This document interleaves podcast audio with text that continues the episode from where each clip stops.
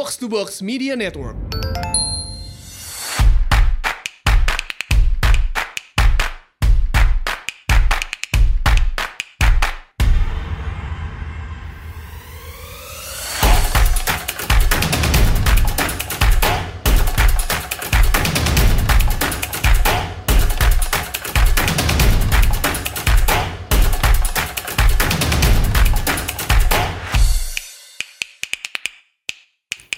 Selamat datang di Asumsi Bersuara. Dan hari ini gue semangat banget nih take podcastnya. Karena ini pertama kalinya podcast kita disponsorin. jadi thank you banget buat Dana yang udah mau jadi sponsor kita. Dan gue juga seneng kenapa Dana yang jadi sponsor kita. Karena gue emang seneng banget pakai Dana gitu. Gue emang pengguna Dana, gue suka pakainya, cashbacknya juga hampir selalu lebih gede dari yang lain. Dan aplikasinya buat gue tuh enak dipakai gitu, user friendly gitu, user experience-nya enak banget. Nah Dana ini juga punya fitur keamanan yang jauh lebih canggih. Jadi ada yang disebut uh, Dana Protection gitu kan. Dia fitur keamanan yang canggih dan berlapis. Jadi udah nggak perlu lagi takut kalau misalnya transaksi pakai dana nanti tiba-tiba uh, saldo lu kekuras atau apa itu nggak akan terjadi gitu. Jadi langsung aja download dana sekarang di Play Store sama App Store ya. Jangan lupa langsung download dana sekarang di Play Store sama App Store. Oke, hari ini kita kedatangan Mas Andreas Harsono, peneliti di Human Rights Watch, yang juga uh, banyak menulis tentang sejarah, um, terutama uh, di tentang uh, Papua ya mas. Dan uh, kenapa kita uh, bahas ini adalah karena kalau um, saya lihat ya banyak yang lagi bahas sekarang karena emang lagi lagi rame nih isunya lagi lagi lagi hits gitu um, dan juga lagi ada ada um, masalah lah di sana gitu tapi saya nggak mau terlalu banyak bahas soal itu sih. Saya lebih pengen bahas soal sejarahnya gitu. Kalau kita look back uh, supaya banyak orang mungkin belum terlalu mengerti sebenarnya gimana sih sejarahnya Papua itu kenapa dari dulu ada konflik, kenapa um, apa ada gerakan separatis uh, hingga sekarang seperti itu. Mungkin pertama-tama nih Mas Andreas saya mau nanya sih. Uh, gimana sih sejarah awal mulanya konflik ini gitu dan dan sampai sejauh mana kita harus menarik uh, untuk bisa uh, dapat konteksnya gitu. Apakah harus ditarik ke zaman Pak Harto, zaman Bung Karno atau zaman Belanda misalnya? Gimana sih awalnya tuh um, konflik di di Papua ini? Sa saya kira harus dilihat dari buat saya masalah itu muncul ketika digunakan kekuatan. Oke. Okay. Jadi kapan kekuatan atau kekerasan digunakan pertama kali.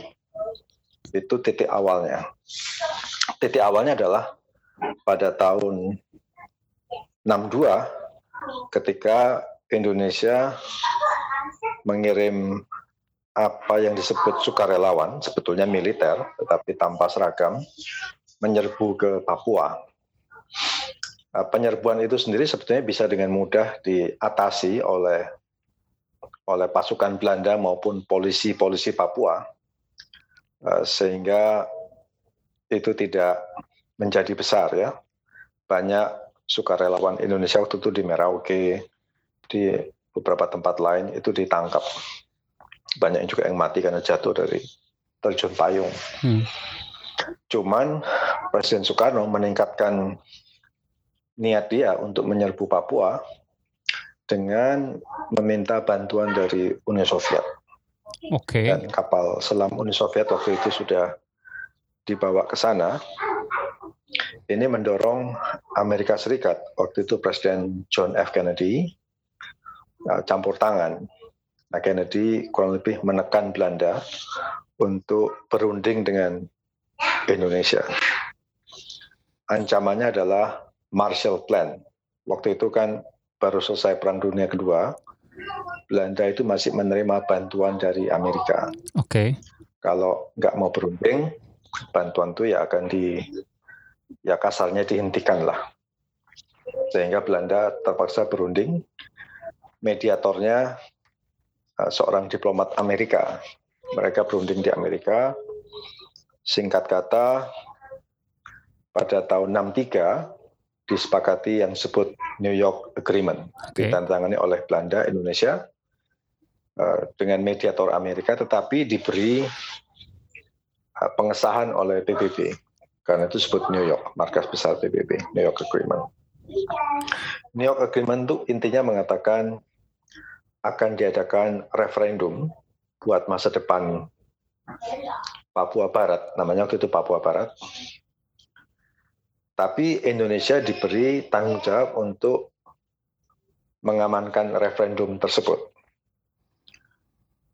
Nah, dari tahun 63 sampai akhirnya referendum diadakan tahun 69, eh, kalau kita membaca beberapa buku ya, termasuk buku oleh orang-orang Indonesia, itu mereka tahu bahwa orang Papua tidak akan memilih masuk ke Indonesia. Kenapa?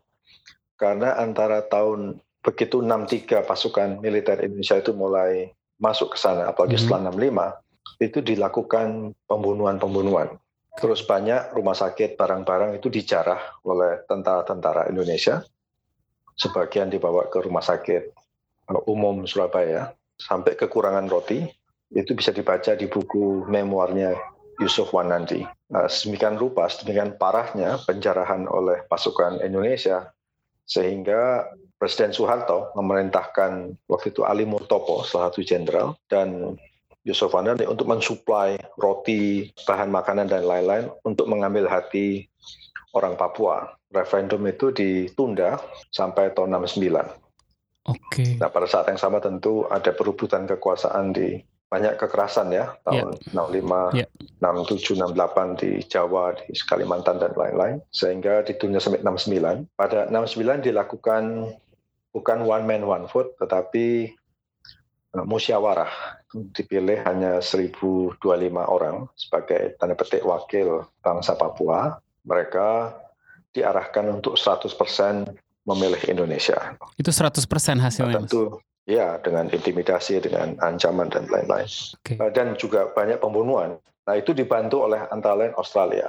Ada dua orang wakil dari waktu itu namanya Papua Rat, jadi Dewan Perwakilan Rakyat Papua, mm -hmm. yang menolak integrasi sama Indonesia, itu mau mengirim delegasi ke New York ditahan oleh Papua. Ini waktu di 63 uh, 63 itu mau mau New York Agreement itu atau atau justru udah menjelang? Ya, menjelang setelah 63. Oh, setelah 63 ditahan oleh Australia, uh -huh. jangan sampai mereka uh, mengirim delegasi untuk menyampaikan uh, keberatannya gitu, Mas. Iya, ya, ditahan di Manus Island, Pulau Manus di PNG waktu itu. PNG waktu itu di bawah kekuasaan Australia.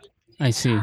Jadi itu jika bakalnya, terus 69 100% setuju setuju ikut Indonesia 100%, tetapi waktu sidang PBB kan PBB menyampaikan hasil apa yang disebut penentuan pendapat rakyat itu.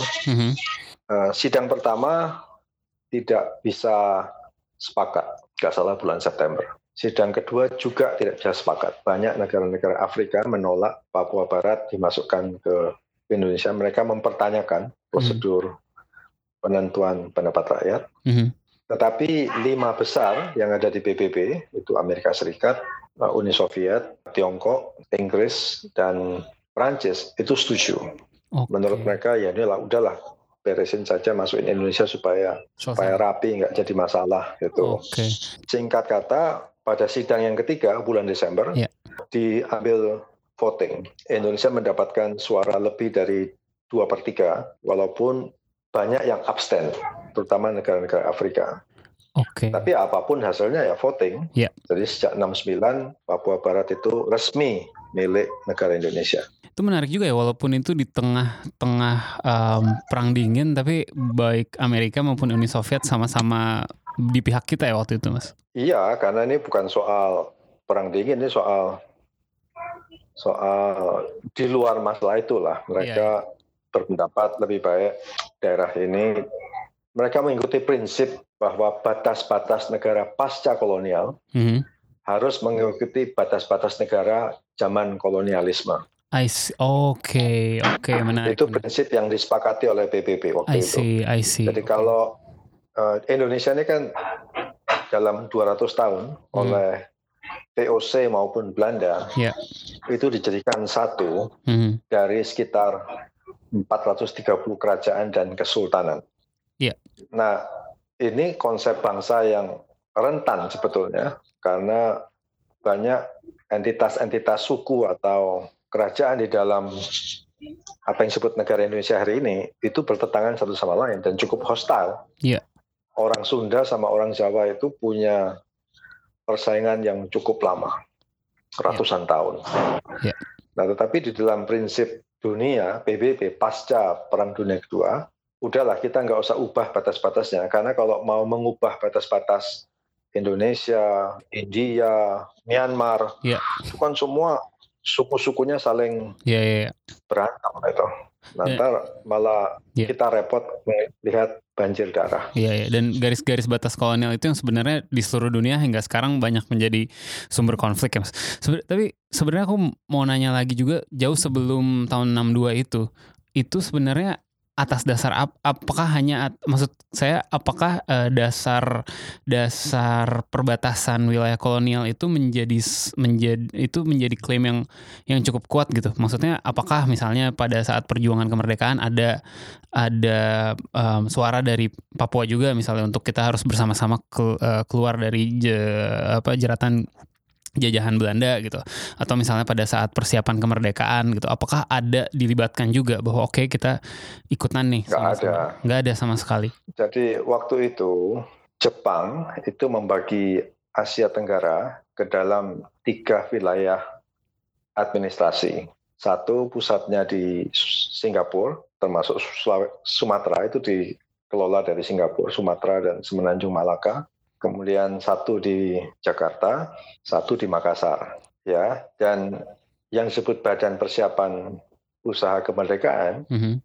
atau sering disebut BPUPK itu dibikin tiga di Makassar, di belakangan setelah Singapura diserbu sekutu di Padang oke dan di Jakarta. oh ada tiga BPUPKI Eh, namanya tidak sama, tetapi sejenis yang di Padang dan Jakarta itu di bawah Angkatan Darat Jepang, oke yang di Makassar di bawah Angkatan Laut.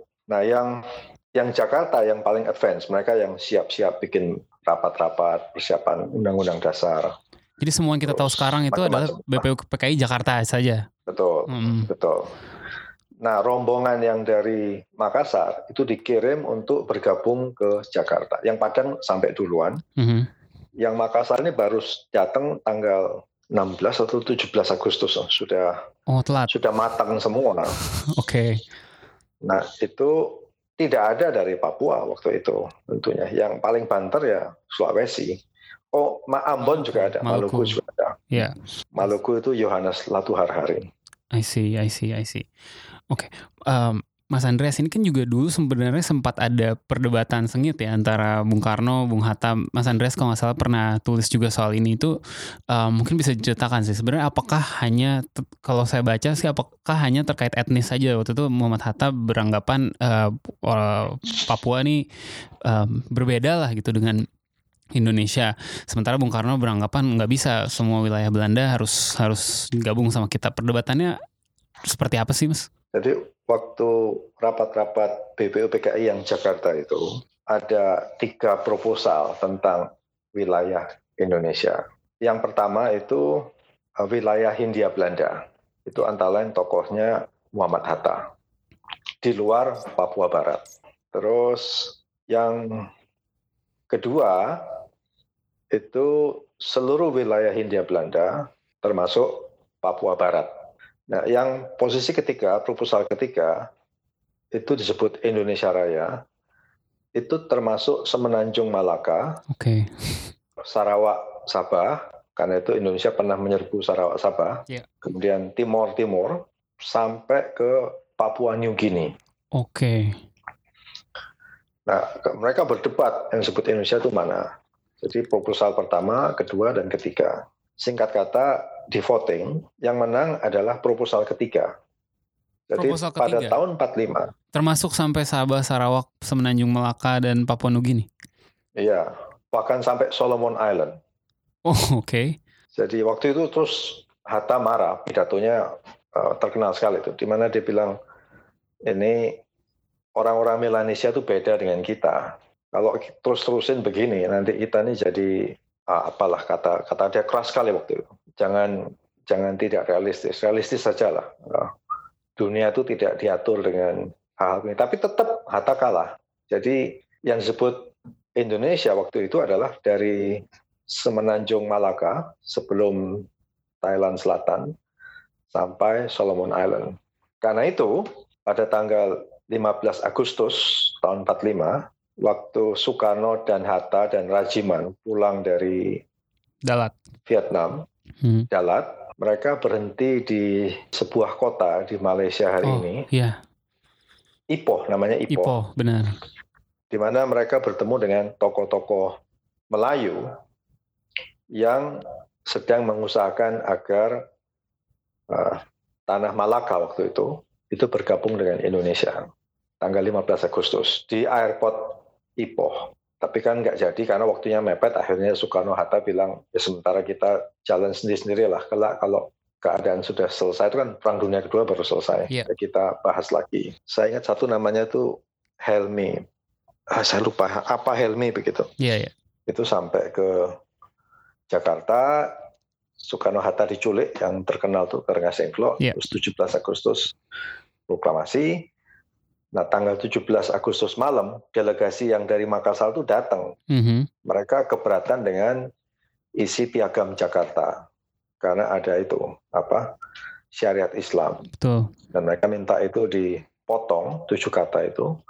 Kalau nggak dipotong mereka nggak akan mau gabung sama Indonesia. Kira-kira itulah sejarah yang penting. Jadi jangankan sampai ke Papua Sulawesi ke arah timur Sulawesi Maluku Minahasa Nusa Tenggara Timur itu bahkan Bali itu waktu itu mengancam nggak mau ikut Indonesia bila konstitusinya kayak begitu I see, I see. Jadi sebenarnya em, ini ini menarik, menarik. Ini suatu info yang menarik sih, karena kalau kita kan selama ini beranggapan, oke Indonesia bekas wilayah jajahan Belanda, tapi sebenarnya aspirasinya bukan hanya itu. Aspirasinya mau jajahan Inggris, mau jajahan Jerman kayak di Papua Nugini pun atau atau sampai ke Solomon Island segala itu bagian dari aspirasi kita untuk punya satu eh, ya untuk negara kita dari dari dari Semenanjung Melaka sampai Solomon Islands gitu ya mas. dulu Iya. Ya karena karena itu di PBB ada prinsip batas-batas negara pasca kolonial Iya, iya, iya. itu mengikuti batas-batas kolonial. Karena itu di Afrika, di di Asia, di Amerika Latin itu tidak berubah. Betul betul. Itu tetap negara-negara yang Betul. dulu dibikin oleh kekuasaan-kekuasaan dari Eropa. Bahwa yang mempersatukan Indonesia itu Belanda. ya sebetulnya Belanda, Eropa bukan kita sendiri. Mas, tapi kalau administrasi Belanda atas eh, Pulau eh, Nugini itu apakah apakah eh, administrasi yang sama dari Batavia gitu ataukah ataukah dia seperti tanah koloni yang berbeda gitu kayak misalnya Guyana, Suriname gitu. Eh, apa atau Oh, mereka punya gubernur jenderal sendiri, Oke, jadi jadi Di sebenarnya itu da- dari sisi Jayapura. perspektif perspektif kolonial Belanda, eh, Hindia Belanda dan dan dan mungkin eh, Papua Belanda gitu tuh dua kolo, dua koloni yang berbeda. Papua Papua Barat waktu itu memang tidak dikelola dengan sebaik di Pulau Jawa Oke. ya karena dianggap masih banyak hutan. Hmm. Tetapi setelah tahun 49 Ya. setelah penyerahan kedaulatan di Den Haag waktu itu itu ditunjuk seorang gubernur jenderal. Oh Nah, antara juga itu. berarti. 49 ya antara 49 sampai 63 itu Belanda melakukan pengembangan sumber daya manusia, pembangunan fisik yang besar-besaran itu. Eh, gedung bioskop di Jayapura waktu itu ada lebih dari 20. Rumah-rumah itu dibangun dengan bagus, eh, dokter, perawat, terus polisi Papua tadi saya sebutkan bahwa yang menangkap pasukan Indonesia itu polisi Papua itu dibenahi dengan luar biasa. Terus banyak yang dikirim ke Belanda untuk belajar di universitas di Belanda. Eh, jadi antara 49 sama 63 itu relatif masa yang damai, masa yang maju di Belanda, eh di Papua Barat. Oke. J- Itu tapi baru-baru itu kan setelah tahun 49. Apakah itu setelah ditemukannya tambang di Grasberg, Mas? Eh, tambang itu diduga sudah sudah diduga ada pada tahun 30-an. Nah, Nah, tetapi memang tidak pernah dieksplorasi sampai apa yang disebut Freeport itu bertemu dengan pemerintahan Presiden Soeharto hmm, mengeluarkan undang-undang penandanan modal asing pada tahun sebelum PPRA. Jadi sebelum PPRA 67 undang-undang kan ya? itu kontrak itu diberikan sebelum Papua milik Indonesia. Iya, oke. Iya maksud maksud saya adalah em, sebenarnya ap- apakah apakah betul klaim yang bilang bahwa um, Belanda itu baru kekeh nggak mau ngelepas Papua um, apa nggak kan tadinya di tahun tahun 49 itu pas kita penyerahan kedaulatan kan dijanjikan Papua akan diberikan setahun kemudian kalau nggak salah ya. Tapi apakah itu jadi Bukan, enggak, ya? bukan dijanjikan itu. Oh, bukan, Dibicarakan sorry. belakangan. Dibicarakan belakangan, oke. Okay. Dibicarakan belakangan. Tapi reluctance mereka ada kaitannya dengan fakta bahwa ternyata kekayaan alam di Papua sebegitu besarnya gitu Apa pun lah banyak sekali alasannya. Tidak sesederhana itu. Oke, okay, oke. Okay. Tapi konflik yang terjadi banyak terkait dengan uh, Freeport ini atau atau sebenarnya jauh lebih luas dari dari masalah kekayaan alam aja konflik yang terjadi hingga sekarang ini? Uh, saya kira kalau kita lihat hasil penelitian Lembaga Ilmu Pengetahuan Indonesia, mm-hmm. LIPI, ya ini lembaga negara, ada empat hal yang menjadi masalah di Papua. Satu adalah peminggiran orang asli Papua yeah. dengan perubahan demografik yang drastis ya antara tahun 1970 sampai tahun 2000 mm -hmm. orang asli Papua itu hanya tumbuh 1,5 persen, mhm. sementara pendatang tumbuh 10,5-10,8 persen per tahun. Uh, marginalisasi ini juga membuat mereka dulu mereka punya toko-toko, sekarang toko-toko itu milik para pendatang semua. Oke. Okay. Yang kedua pelanggaran hak asasi manusia. Nah ini kebetulan wilayah saya. Oke okay, oke. Okay. Nah, selama di bawah Indonesia itu tidak ada upaya mencari kebenaran dari berbagai macam kasus-kasus besar yeah. secara substansial, termasuk di bawah Presiden Jokowi, ya, baik itu pembantaian Biak, pembantaian 98, pembayaran Manokwari tahun 65, maupun yang terakhir yang dijanjikan oleh Presiden Jokowi, Ena Rotali 2014, itu tidak pernah diketahui siapa pelakunya, duduk perkaranya gimana, atau pelecehan seksual, pemerkosaan, dan lain-lain, itu tidak pernah dicari tahu duduk perkaranya apa. Ya. Jadi kedua adalah pelanggaran hak asasi manusia. Yang ketiga, dan pelanggaran hak asasi itu banyak ya, itu setiap daerah di mana sekarang ada keributan tuh saya tahu di Deyai pernah ada apa, di Enarotale pernah ada apa, Jayapura jangan tanya, Timika. Masalah ketiga adalah pengrusakan lingkungan. Untuk Freeport itu yang paling besar ya, sampai ya. lewat Google Map aja ketahuan limbahnya Freeport itu enam kali lipat kota Timika. Nah sekarang dengan kebun sawit juga begitu, tipu-tipu. Nah yang masalah keempat adalah manipulasi pada tahun 69 jadi Indonesia itu mengambil Papua dengan dengan menipu. Buat orang Papua itu harus dibereskan, harus diakui gitu oleh oleh negara Indonesia, oleh rakyat Indonesia bahwa kalian menipu kami. Kalian melakukan manipulasi pada tahun 69. Okay. Nah, sejarah ini yang nggak gampang untuk dibereskan. Tetapi buat mereka itu penting. Uh, Jadi bukan ya. soal bangun jembatan atau jalan ya itu mah ya. perkara, perkara sederhana sekali. Oke, okay. Mas, saya sebenarnya mau nanya lebih jauh tentang uh, tentang pelanggaran HAM tadi itu ya. Uh, apa motifnya dari dari Indonesia sebenarnya untuk melakukan itu baik dari awal dari tadi Mas uh, Andreas pernah bilang di sejak uh, perjanjian New York dan relawan-relawan Indonesia datang ke sana terjadi um, apa uh, kekerasan atau terjadi pelanggaran HAM Ap, apa motifnya dari sisi kita uh, untuk melakukan itu? Kalau yang kita inginkan mereka bergabung ke kita kenapa kita malah melakukan itu dan malah akhirnya menimbulkan uh, ya tidak memberi tidak membawa simpati lah jatuhnya. Tujuannya apa? Uh, dari penelitian saya sendiri bisa dibaca di buku saya atau penelitian banyak orang eh, Budi Hernawan dan lain-lain LIPI juga persoalan mendasarnya adalah rasialisme. Orang Indonesia termasuk tentara Indonesia termasuk polisi Indonesia jaksa hakim dan lain-lain para pendatang Indonesia di Papua itu menganggap orang Papua terbelakang. Menganggap orang Papua bodoh. Membuat orang Papua ini uh, minum, tukang mabuk, tukang makan babi, pemakan babi itu kan kedengaran waktu di Surabaya itu kan, hei anjing, monyet, pemakan babi, keluar. Itu. Rasialisme itu sudah berlangsung puluhan tahun. Saya punya banyak kenalan orang Papua bahkan beberapa ada murid saya, saya hampir setiap tahun ke Papua. Seingat saya belum pernah ada satupun teman Papua saya yang tidak pernah merasa tersinggung karena rasialisme oleh orang-orang kayak saya ini. Rambut lurus, orang kayak Anda ini, rambut lurus. Jadi itu berlangsung di media sosial, di televisi-televisi kita, di surat kabar-surat kabar kita, di online kita, Facebook, Twitter, film, ada film yang menerangkan sekelompok geolog Indonesia uh, tersesat di dalam hutan Papua, diculik oleh, ditahan oleh sekelompok suku Papua yang hanya perempuan. Laki-laki Indonesia ini diperkosa supaya perempuan-perempuan itu hamil. Tujuannya agar gen mereka lebih bagus.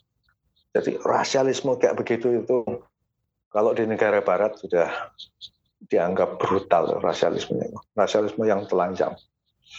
Eh, rasialisme Donald Trump itu kelihatannya lunak kalau dibandingkan dengan rasialisme orang Indonesia terhadap orang Papua. Waduh, waduh. Mas, saya mau ya. saya mau nanya sih sebenarnya tapi masih agak bukan nggak percaya ya, tapi susah untuk me rapid around my head gitu bahwa semua kasus kekerasan yang tadi Mas Andreas bilang uh -huh. dari tahun 63 sampai 69 sampai kemudian seter seterusnya sampai sekarang itu dasarnya simply karena si relawan-relawan ini atau orang-orang kita yang di sana rasis aja gitu. Atas maksud saya saya nggak bisa masa sih hanya karena rasis terus kita bunuhin orang atau terus kita perkosa-perkosa orang kayaknya karena kita menganggap mereka ini bukan manusia yang utuh ya istilahnya Philip Karma setengah binatang karena mereka dianggap setengah binatang kita merasa kita boleh berlaku sembarangan terhadap mereka. Nah sembarangan ini bisa dari sekedar masang foto seorang laki-laki Papua pakai koteka tapi megang laptop itu rasialisme atau wartawan-wartawan Indonesia di Papua memakai istilah perang suku itu rasialis ya. Sampai uh, memaksa orang Papua setiap 17 Agustus itu memasang bendera merah putih dan ketika benderanya ada yang bengkok terus diserang kayak begitu disemprot gas air mata itu rasialisme. Nah tentu dalam banyak hal orang Papua tentu melawan. Ketika melawan mereka ditembak. Ketika melawan mereka dikirimin pasukan lebih banyak. Ketika melawan internet mereka ditutup. Ketika melawan ditutup, ditembak, orang Papua lebih meningkatkan perlawanan mereka. Mereka demonstrasi karena mereka ke mana-mana itu membawa anak panah, ya mereka panah juga tentara Indonesia diperondong lebih banyak lagi. Itu terjadi selama 50 tahun. Jadi gampang sekali untuk mengetahui bahwa eh, persoalan mendasarnya adalah rasialisme. Karena itu nggak usah heran bahwa demonstrasi itu bisa muncul di puluhan kota dalam waktu seminggu. Karena persoalannya sudah lama sekali. Menuduh orang luar yang membiayai, menuduh negara lain yang membiayai Australia lah, Amerika, wah itu orang males mikir itu, orang nggak tahu Papua lah ngomong itu. Jadi Mas Andreas yakin ini semua organik ya Mas? Karena kan banyak konspirasi teori lah yang beredar. Saya, ya kan? ya itu orang yang nggak nggak bisa mikir. Oke. Okay. Yang konspirasi teori itu. Ya yang bilang nggak kayak. pernah bikin penelitian. Ya, okay. Nggak pernah ke Papua. Oke. Okay. Mas Andreas, ini kita sudah lebih dari 30 menit nih. Kita mau beralih ke pertanyaan-pertanyaan dari dari Twitter, dari Instagram, ya, dari netizen lah, Mas. Karena banyak sekali orang yang yang yang, yang nanya soal soal ini gitu. Mungkin kita mulai kali ya. Um, dari at Wahyu underscore Adis. Hal terbaik yang bisa dilakukan pemerintah Indonesia atau Jokowi dalam menyikapi ini, menurut menurut Mas Andreas harusnya pemerintah kita bagaimana? Uh, satu menyalakan kembali internet. Paling Karena pertama ya? mematikan internet di, ya di dua provinsi dimatikan itu lagi-lagi rasialis. Tidak kita tuh boleh mengambil tindakan tapi terbatas dan waktu yang terbatas juga lokasi yang terbatas. Ini dua provinsi yang hampir 8 kali lipat Pulau Jawa dimatikan internetnya. Mereka marah. Salah itu tindakan uh, pemerintahan Jokowi. Satu itu. Yang kedua, tangkap orang-orang yang melakukan intimidasi uh, di Surabaya. Oke. Okay. Ya, diperiksa, diadili dengan baik, mereka diberi hak untuk menjawab, diberi hak untuk punya pengacara, termasuk polisi yang me menyuruh pasukan untuk mengirimkan gas air mata ke dalam asrama Papua itu harus ditangkap.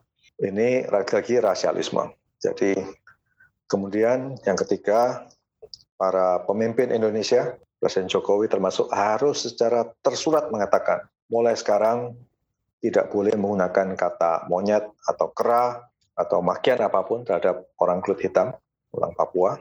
Jangan salah, dulu ada orang kulit hitam pada tahun 60-an di Menteng juga disebut koyo monyet. Gitu. Namanya Barack Obama. Jadi rasialisme terhadap orang hitam itu mendarah daging gitu, di, di kalangan orang Indonesia. Tetapi bukan hanya berhenti menggunakan kata monyet, tapi juga mengevaluasi ulang semua polisi pemerintah Indonesia yang tadi saya katakan rasialis terhadap orang Papua. Jadi yang perlu dilakukan adalah satu, menyalakan kembali internet, karena itu dianggap sebagai diskriminasi oleh orang Papua. Yang kedua, menangkap orang-orang yang rasialis di Surabaya yang melakukan kekerasan, termasuk polisi yang memerintahkan pasukannya menyerbu asrama. Ketiga, eh, saya tahu empat tentara dari Koramil setempat sudah dibebaskan tugas, tapi belum ditangkap. Okay. Itu harus diperiksa. Yang ketiga, harus menyerukan seruan. Kita nggak boleh rasialis. Kita harus berhenti menyebut orang kulit hitam dengan kata monyet. Oke. Okay. Ya, di Eropa ada beberapa kejadian. Misalnya di Italia itu ada seorang pemain sepak bola yang orang hitam Balotelli. dilempar pisang itu. Yeah. Itu klub yang menjadi tuan rumah itu dikasih penalti oleh FIFA. Padahal FIFA nggak apa, klubnya nggak ikut-ikutan, tetapi satu klubnya itu diberi hukuman oleh FIFA karena ada yang melempar pisang ke pemain kulit hitam. Yang keempat, bikin sebuah tim untuk mengevaluasi semua polisi pemerintah, termasuk pembangunan jalan, jembatan yang tidak melibatkan perusahaan-perusahaan milik orang Papua. Itu harus direvisi kembali, harus ditinjau ulang. Oke, oke. Mas, lanjut. Dari Ed Sesaus Liviandi, jika Papua referendum. -huh. apakah Papua mampu untuk menjadi negara yang mandiri? ini kayaknya banyak orang yang punya sentimen seperti ini nih. Memang mampu ya kalau kalaupun lepas dari Indonesia memang mampu um, apa um, mengurus dirinya sendiri. Katanya ntar jadi kayak Timur Timur saya juga nggak tahu apakah Timur Timur jauh lebih buruk sekarang. Atau sama dengan Soekarno ditanya oleh orang Belanda apakah kalau Indonesia merdeka bisa jadi mampu mengurus dirinya sendiri? Oh iya. Apakah kalau Indonesia hari ini masih di kelola oleh Belanda, jangan-jangan ibu kota kita lebih bersih, pemerintahan kita lebih baik, nah, trotoar-trotoar kita lebih rapi, tram kita masih ada sehingga tidak melakukan motorisasi yang kayak begini, yang merusak lingkungan hidup, polusi udara dan lain. Jadi kita nggak tahu. Itu pertanyaan yang susah dijawab. Jangan-jangan okay. Belanda itu kan terkenal karena manajemen air ya. Jangan-jangan kalau Belanda masih menguasai Jakarta, kota Jakarta nggak tenggelam. Ya. Oke, okay. waduh. Hmm, membuat saya berpikir. lanjut, lanjut, Mas, lanjut. Um, dari at Hatoyar. Um, ini ada dua pertanyaan, tapi yang menarik yang yang kedua sih.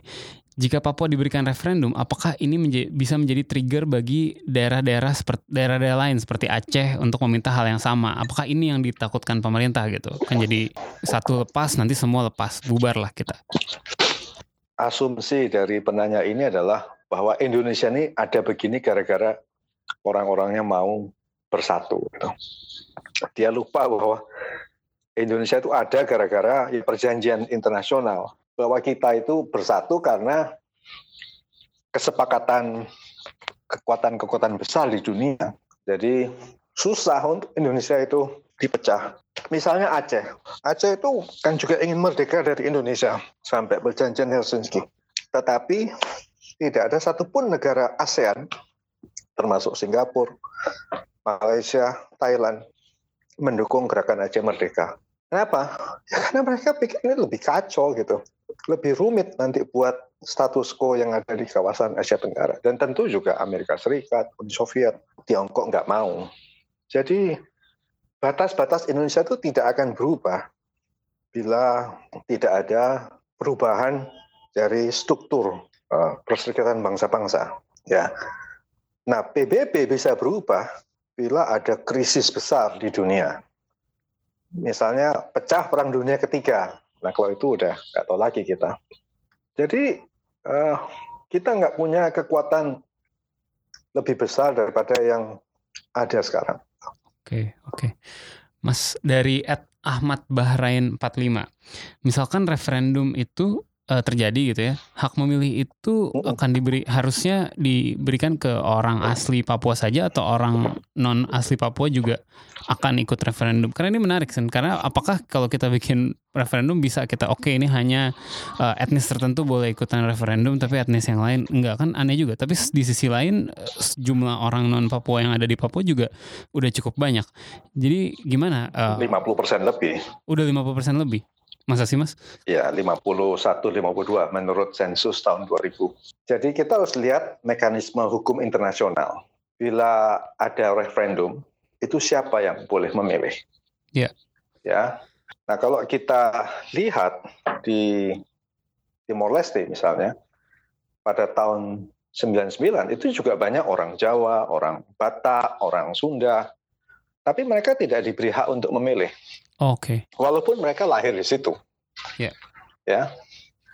Jadi prinsipnya adalah yang boleh memilih adalah orang-orang yang ada di daerah yang dilakukan referendum itu sebelum terjadi uh, kalau dalam Timor Leste invasi Indonesia pada tahun 75 atau keturunan mereka. Nah, jadi kalau untuk Papua yang boleh memilih adalah orang-orang yang tinggal di situ, orang rambut keriting, rambut lurus, tetapi tinggal di situ sebelum tahun, saya nggak tahu mau dipakai tahun 63 atau 69. Saya duga se, saya nggak tahu lah, bisa 63, bisa 69, atau keturunan mereka. Sebentar. Itu prinsip dari peraturan PBB uh, soal referendum. Sebentar, tapi kalau seperti itu berarti ada banyak orang yang merupakan misalnya keturunan settlers um, yang udah ya dari dari kecil dia hidup di sana, tapi bisa tiba-tiba dia jadi harus um, angkat kaki misalnya nanti dari misalnya hasil referendumnya uh, seperti itu dia akan harus keluar. Itu kan juga suatu hal yang lo saya seumur hidup hidup di sini gitu. Bayang itu kan bayangkan kalau misalnya di di daerah lain di Jakarta misalnya ada uh, pemilihan gubernur gitu. Maka dan yang harus yang boleh memilih misalnya hanya penduduk asli Jakarta itu kan bukankah itu justru ras rasis mas kan Jakarta itu kan gubernur itu kan bukan referendum. Iya maksud saya kan ada sengketa. Hak, hak pilih, hak memilih menentukan nasib Masa ditentukan dari contoh, saya contoh yang siapa? lebih Anda harusnya bukan tanya soal Gubernur Jakarta. Iya, sorry, sorry. Maksudnya bagaimana dengan ya. dengan Kanaki Island? Kanaki Island itu di dekat New Zealand. Ya. Kan baru saja bikin referendum. Namanya New Caledonia. Oke. Okay. Kalau dalam bahasa Inggris. Uh, sementara settler, orang-orang keturunan Eropa yang sudah tinggal di Kaledonia kan cukup banyak yeah. orang-orang Prancis. Yeah. Apakah mereka diberi hak untuk memilih? Nah itu ribut karena jumlah orang-orang keturunan Eropa lebih dari 50 persen di Kaledonia. Tetapi tidak setiap orang keturunan Eropa di New Caledonia uh, tetap mau bergabung sama Prancis. Yeah. Sebagian juga tetap mau merdeka yeah. dari Prancis. Jadi mereka bikin referendum, hasilnya itu yang menang yang tetap bersama Prancis. Oke. Okay. Gitu. Nah, kenapa mereka diberi hak? Karena ya ini ada negosiasi ya, negosiasi antara uh, mereka partai yang memperjuangkan kemerdekaan Kaledonia Baru dengan partai-partai lain. Uh, mereka beralasan ini sudah 200 tahun gitu dan sudah kawin campur banyak sekali. Yeah orang-orang di sana. Oh, rumit sekali, khusus Kaledonia Baru itu sangat rumit. Tetapi di dalam kasus-kasus lain kebanyakan mengikuti prinsip PBB. Dan tentu ini negara Prancis ya, mau bikin uh, referendum ya silakan. Atau lihat contoh Skotlandia. Skotlandia juga ada referendum untuk pisah dari Britania Raya. Betul. Atau Quebec itu mau pindah dari dari Kanada. Ya. Ya bikin. Tapi prinsipnya lagi-lagi adalah sebelum keturunan dari orang-orang sebelum terjadi perubahan itu. Kayak orang orang Cina yang lahir di Skotlandia itu nggak boleh milih. Waktu kemarin uh, Atau Scottish orang- referendum begitu. Orang Arab yang tinggal di Quebec nggak boleh milih Oke. waktu ada referendum. Walaupun dia adalah uh, warga negara Skotlandia, Eh, maksudnya dia em, ya penduduk Warga negara Skotlandia, warga negara Ing- warga negara Inggris boleh. saya tinggal di Skotlandia. KTP-nya Skotlandia gitu. Dia nggak boleh ikut milih hanya karena mukanya misalnya Nggak boleh. nggak- itu ada bule. pembatasan pembatasan waktu. Ada batas waktu. Keturunan dari orang-orang yang tinggal di situ se- sebelum waktu tertentu. Jadi Gimana kalau gimana bisa dibedakan? Anda misalnya pindah, ya lihat dari sertifikat lahir kan, dari Iya, akte ke- kelahiran. Gimana bisa bisa dibedakan misalnya ada orang London pindah ke ke Glasgow kakeknya Ya, di tahun 19 ya, Bro, ya kakeknya pindah ke Glasgow dia mukanya sama-sama Ya. sama-sama nggak nggak beda gitu kan tapi harusnya dia nggak boleh ikut milih juga kan ada catatannya, kan ada catatannya. Oh, jadi kakeknya harus- lahir di mana? harus dicari sampai eh, apa harus dicari em, asal Oh, iya. usulnya dia apakah eh, Iya. keturunan oke oke Itu sampai 300 tahun itu. oke menarik oke oke Ma- lanjut lanjut lanjut lanjut dari at asam paizet dari at asam paizet hanya ingin Eh, tapi sebentar, Iya, sebelum oke. ngomongin referendum, Ya. asumsi asumsi para penanya kalian itu, menurut saya akan diadakan referendum di Papua itu, menurut saya ya, sebelum ada perang dunia ketiga, nggak akan terjadi. Lagi-lagi itu tergantung PBB, bukan tergantung Indonesia. I see Dan suatu daerah itu bisa merdeka bila mendapatkan dua per tiga dari negara-negara anggota PBB. PBB itu 197 negara nggak salah.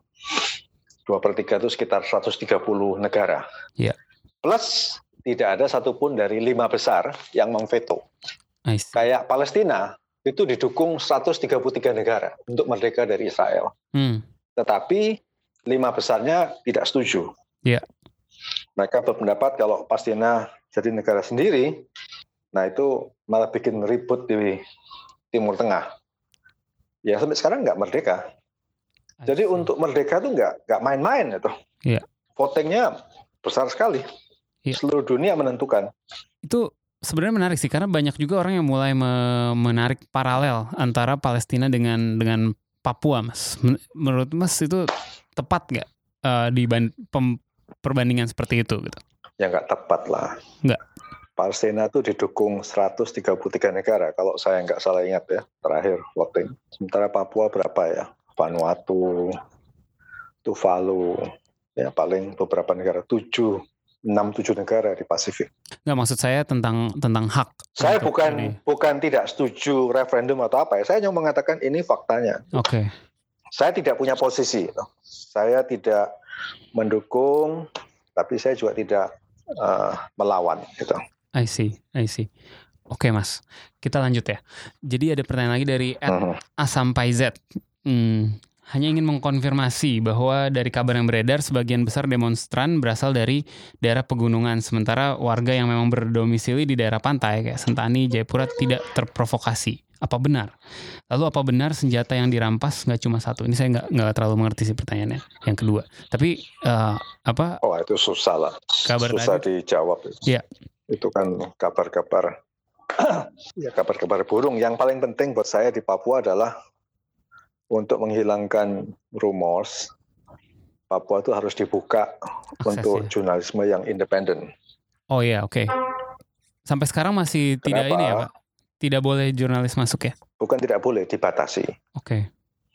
Eh, prosesnya itu sangat lama, harus mengajukan visa ke kedutaan besar Indonesia, dan itu nggak ada kejelasan. Kadang-kadang bisa satu setengah tahun, kadang-kadang dua tahun, kadang nggak dijawab sama sekali. Eh, kemudian kalau sampai ke situ juga diawasi. Itu melanggar hukum Indonesia maupun hukum internasional. Seharusnya Papua itu dalam hal akses buat wartawan independen, ya dibuka saja kayak Bali, kayak orang wartawan asing dari Jakarta mau ke Medan kan nggak perlu minta izin Iya. polisi. Atau mau ke Makassar ya nggak perlu minta izin polisi, mau ke Padang nggak perlu minta izin polisi, mau ke Aceh nggak perlu minta izin polisi. Tapi kalau mau ke Manokwari harus izin. Itu event buat dan itu sudah berlangsung 50 tahun. Event untuk wartawan Indonesia ya, bukan wartawan asing pun butuh izin untuk ke sana. Oh enggak, kalau wartawan Indonesia enggak. Oh, wartawan Indonesia wartawan boleh. Asing. Jadi wartawan asing mau datang ke hmm. semua daerah di Indonesia kecuali dua provinsi itu boleh. Bukan boleh, harus minta izin, okay. minta surat jalan. Oke. Okay. Kadang-kadang dikasih surat jalan, tapi sering juga tidak dikasih atau datang dibuntuti gitu. I see, I see. Oke. Okay, okay. Saya tidak mengatakan dilarang ya, yeah. saya mengatakan dibatasi. Pembatasan itu harus dihentikan. Oke. Okay. Oke okay, mas, uh, kita udah 50 menit nih sebenarnya.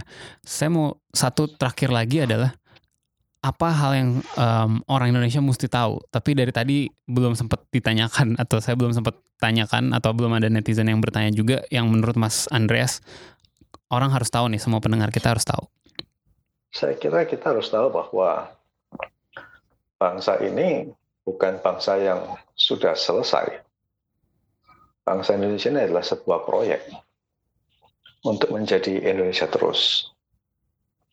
Dan untuk tetap menjadi Indonesia terus karena sudah ditentukan oleh sejarah ya oleh PBB oleh dunia internasional ya kita harus memperhatikan apa yang namanya prinsip solidaritas di dalam bernegara dan berbangsa. Jadi solidaritas ini ya tentu harus didasarkan pada prinsip kesetaraan. Jadi kewarganegaraan itu harus setara dia punya hak A, saya juga punya hak A. Saya punya hak B, orang Papua juga harus punya hak B. Saya punya hak untuk mendirikan masjid tanpa minta izin apa pun dari tetangga. Ya orang Kristen harus punya hak mendirikan gereja tanpa izin uh, dari tetangga-tetangganya. Nah, prinsip-prinsip kesetaraan ini yang sering dilupakan oleh banyak warga negara Indonesia termasuk dalam hal melihat Papua. Merasa uh, kalian itu wilayahnya milik saya, seakan sama dengan saya, tetapi orang-orangnya tidak boleh punya hak yang sama dengan saya. Atau sekarang ini intoleransi agama sangat meningkat. Nah, ketika membicarakan agama, ya agama saya yang paling benar Ya, karena di yang paling banyak bermasalah ini di wilayah-wilayah yang beragama Islam, ya ada perasaan bahwa yang Islam ini yang supremasis, yang Sunni inilah yang paling paling nomor satu dari semuanya, the first among equal. Itu tentu perasaan atau pikiran yang yang menggerogoti uh, proses kebangsaan Indonesia. Terima kasih banyak Mas Andreas Harsono atas waktunya uh, hari ini untuk ngobrol dengan kita dan banyak banget info baru yang uh, saya yakin orang belum pada uh, pernah dengar sebelumnya um, supaya lebih luas lah wawasan kita tentang uh, konflik yang terjadi di di Papua sana nggak hanya uh, mendengar dari satu bukan sumber konflik saja. itu hanya keributan bukan konflik okay. konflik ini kan ada dua pihak yang bersengketa dengan senjata. Yeah Nah, tapi anyway, saya bukan hanya ngomong ya, saya menulis. Yeah. Jadi data-data yang saya sampaikan itu semua pernah saya tulis, ada referensinya, okay. bisa di, diperiksa sebetulnya apa yang saya sampaikan. Oke, okay, oke. Okay. Nanti kita coba taruh linknya juga di deskripsi uh, agar uh, bagi pendengar yang ingin lebih dalam lagi mempelajari tentang apa yang terjadi dan sejarahnya. Mm -hmm bisa ya. ya bisa baca lebih dalam lagi. Terima kasih banyak uh, Mas Andreas ya, atas Terima kasih sama-sama. Ya, jangan lupa Yuk. ya jangan lupa follow Asumsiko, follow Box to Box ID. Um, sampai jumpa lagi hari Selasa depan. Ciao.